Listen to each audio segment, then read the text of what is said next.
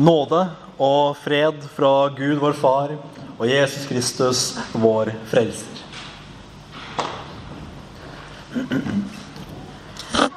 Det første vi må merke oss ved teksten som vi leste nå fra Lukas, er det første Jesus sier. For her har Jesus bedt for sine disipler, og han har holdt en lengre avskjedstale for dem før han tar fatt på den siste etappen, veien mot korset, dit han går for å sone dine og mine synder. Men så legger han til at han ber ikke bare for disse. Altså de som hører ham der og da. Nei, han ber også for oss som er her i kirken i dag. Hvordan kan vi vite dette? Ved ordene 'Ved deres ord kommer til tro på meg'. Ned gjennom århundrer og årtusener har en mengde mennesker kommet til tro på Jesus Kristus gjennom apostelens ord, slik også vi til syvende og sist har det. Og det er stort. For her ser vi jo hvordan ordet har vært virkekraftig ned gjennom tidsaldrene, nettopp i tråd med Guds eget løfte. Og vi ser også Jesus sin store omsorg for oss. Noe som gjennomsyrer hele Det nye testamentet. Jesu omsorg. Vi ser det gang på gang hvordan Jesus rett før han skal ut for en eller annen prøvelse eller noe som er vanskelig, faktisk har oss, sine kjæreste, aller fremst i tankene. Men nok om det for nå. Vi må se på hva det er Jesus faktisk ber om. Ikke bare at han ber, det er fint nok i seg selv, men når vi ser hva Jesus ber om, så får vi et unikt innblikk i Jesu hjerte. Det hjertet er fullt av, det taler munnen. Det er jo sånn det er med bønnen. Når vi ber, så blottlegger vi hjertet vårt for Gud. Og sånn var det også med Jesus. Å merke seg hva Jesus ber om, det er å merke seg Jesu hjerte. Og Jesus han ber altså om to ting. Han ber om at vi skal ha kjærlighet. Og han ber om at vi skal ha enhet. Nøyaktig hva denne enheten består i, det kommer jeg tilbake til om litt. Det er først nødvendig å si noen ord om hva som er enhetens utgangspunkt. Nøkkelen til å forstå dette, eller iallfall begynne å forstå, for her nærmer vi oss et av troens store mysterier. Men det er Jesu ord om at de alle må være ett. Like som du, Far, i meg og jeg i deg, sier Jesus. Denne innbyrdes enheten mellom Faderen og Sønnen er utgangspunktet for all enhet. Og når vi legger til, slik bekjennelsene sier, at Den hellige ånd utgår fra både Faderen og Sønnen, da står vi igjen med et fullstendig bilde på enhet i lys av den treenige Gud. Og det er slik at den treenige Gud må være ett. Samtidig som vi bekjenner en Gud som også er tre personer. Som før nevnt Faderen og Sønnen og Den hellige ånd. Men når vi ser på treenigheten, så kan vi samtidig se et bilde også på hvordan en kristen enhet skal være. For treenigheten er grunnleggende det man vil kalle relasjonell, altså at de står i et forhold til hverandre. Det er vanskelig å beskrive noe vi egentlig bare kan skimte glimt av, men hele guddommen lever i en kontinuerlig relasjon mellom de tre personene.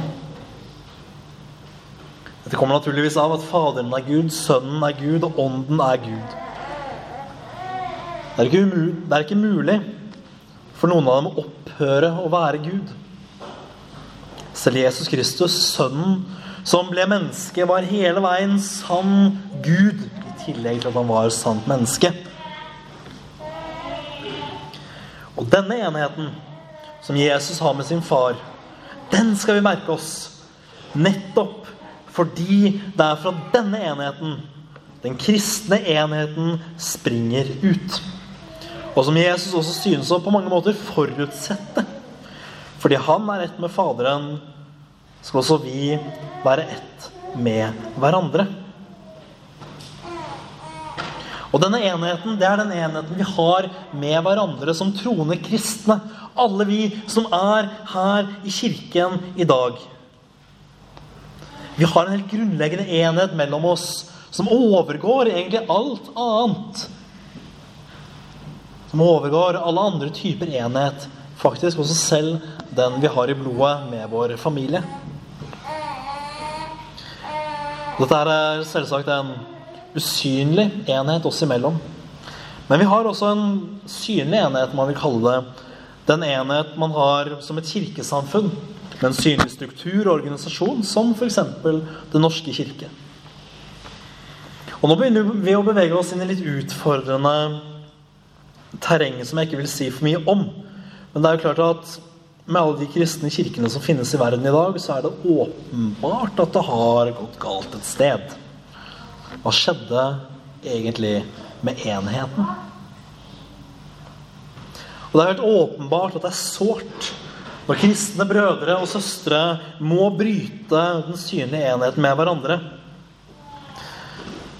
Men ofte så skjer det nettopp også fordi den usynlige enhet er brutt. Dette skjer når det ikke lenger er enighet om evangeliet. Våre lutherske bekjennelser forteller oss nemlig det at til sann enighet er det nok å være enige om evangeliets forkynnelse og sakramentenes forvaltning. Så dersom noen kommer med et nytt evangelium, eller i alt forkaster evangeliet og fremdeles vil ha navn av å være kristne, da påligger det den kristne kirke å sette en grense. Vi skal ikke ha synlig enighet for enhver pris. Ikke hvis man må tåle angrep mot evangeliet. Samtidig kommer vi ikke utenom at splittelser forekommer altfor ofte. Altfor ofte får ufred og uenighet prege menighetene våre. Gjerne over småsaker. Det ser man stadig vekk. Så motvekt mot dette må vi alltid ha klart for oss hva Jesus forventer. Han forventer og legger til grunn, slik Paulus også gjør når han skriver, at kjærligheten er det som skal råde i menigheten. Når kjærligheten er sann, da vil man også i sannhet holde fast på det rene evangelium. Og som en følge av det vil også enheten være sann, både synlig og usynlig. Det store mysteriet her er også bakgrunnen for at vi kan snakke om en usynlighet enhet med hverandre. Og det er jo kanskje det vakreste her vår egen enhet med Kristus. Bibelen beskriver det slik at vi er podet inn på ham som grener på et vintre. Det betyr at vi hører egentlig ikke til, men vi gjøres likevel til ett med Kristus. Og dette skjer ved troen, som skapes i oss når Guds ord lyder, eller som vi har vært vitne til to tilfeller av i dag, at den gis oss i dåpen. Dette er jo et fantastisk bilde. For da skjønner vi hvordan vi kan være ett med hverandre. Vi er grener på det samme treet. Og stammen, det er naturligvis Jesus Kristus. Og her blir det også tydelig hvordan kjærligheten er det som gjør at alt henger sammen. Det er jo Jesu kjærlighet til oss som i sin tur springer ut av Faderens evige kjærlighet som gjør at alt dette er mulig. Vi elsker fordi han elsket oss først, forteller Bibelen oss. Og Paulus kan også fortelle oss hvordan Gud viser sin kjærlighet i romerbrevet. Ved at Jesus dør for oss mens vi fremdeles er syndere. Dette er jo det store! Dette er evangeliet. At vi er og blir syndere. Og jeg sier det igjen og igjen. Vis meg den som har holdt hele Guds lov fullkomment fra dagen han ble født, og til dagen han døde.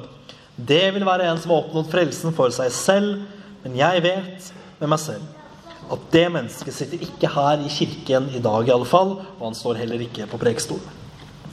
Men vi tror på ham som har dødd for oss, og som graven ikke kunne holde igjen, men som ved oppstandelsen også vant den store seier. Av stor nåde og kjærlighet gjorde han dette, og ved troen på ham, Jesus Kristus, finner vi legedom for våre sjeler og syndenes forlatelse.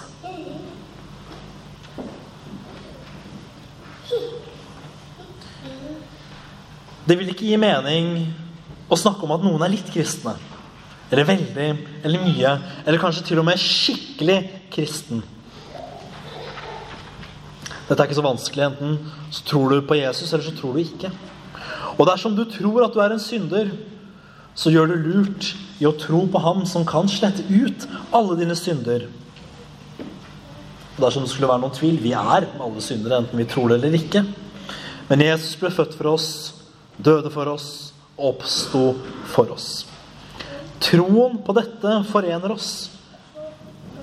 Og jeg må, før jeg går inn for landing, si noen ord om de hellige sakramenter, dåp og nattverd.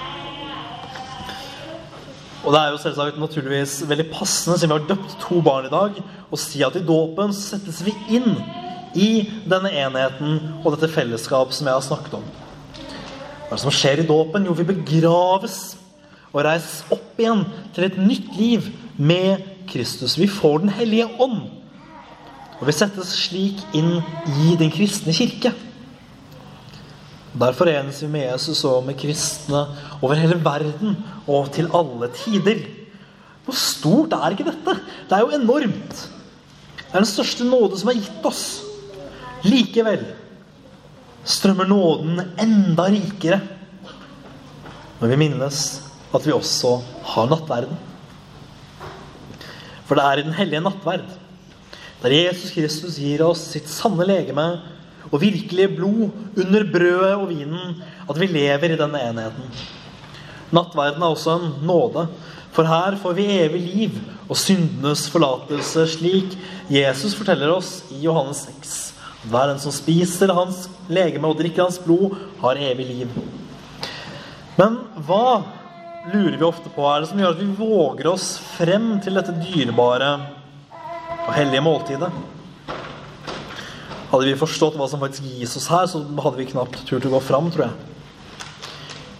Vi hadde til nøds kanskje krøpet frem mot alteret og dekket våre ansikter og mye mer. For her forenes vi i dypet av vår sjel og kropp med Jesus selv når vi spiser og drikker hans legeme og blod. Og denne dype foreningen den blir oss til frelse. Men vi må gå. Vi kan ikke holde oss borte. Vi kan i alle fall ikke holde oss borte fordi vi tror at vi ikke er verdige eller fortjener det. Og jeg må si at det kan være andre grunner til å holde seg borte fra nattverdenen. En tid, eller ved enkelte tilfeller, eller kjenner kun den enkelte i sin egen samvittighet. Men dersom du tror at du ikke fortjener nattverden, eller at du ikke er verdig, så stemmer jo det. Men la det bare ikke hindre deg i å gå fram. Fordi ingen av oss er verdige.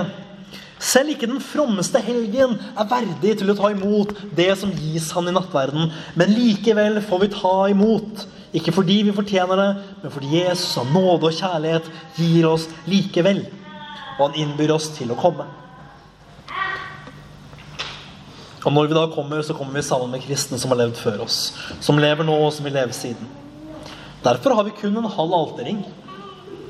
Og ikke en hel. Det viser oss nettopp dette som vi ser hos Paulus i det tiende kapittel av første Korinterbrev. At vi er ett med hverandre. For vi var del i det samme brød, Kristi legemen, samme beger, Jesu blod. Denne enheten mellom de troende er av avgjørende viktighet. Og grunnen er jo den Jesus løfter frem for at verden skal tro. Sann enhet mellom troende er evangeliets største sannhetsvitne. Nettopp derfor er det så sårt og skadelig når det er splittelse som rår blant de som skulle vært forenet i kjærlighet. Den virkelige enhet, det er det Jesus selv som gir. Og den springer ut av kjærligheten som Faderen har til ham. Og den kjærligheten Jesus har til oss. Her er alt sentrert rundt evangeliet. Dette store og herlige budskap at for Jesu Kristi skyld vil Gud ha nåde med oss. Han har løst oss ut og frelst oss fra alle våre synder. Gud være lovet. Ære være Faderen og Sønnen og Den hellige ånd, som var, her og blir en sann Gud fra evighet og til evighet. Amen.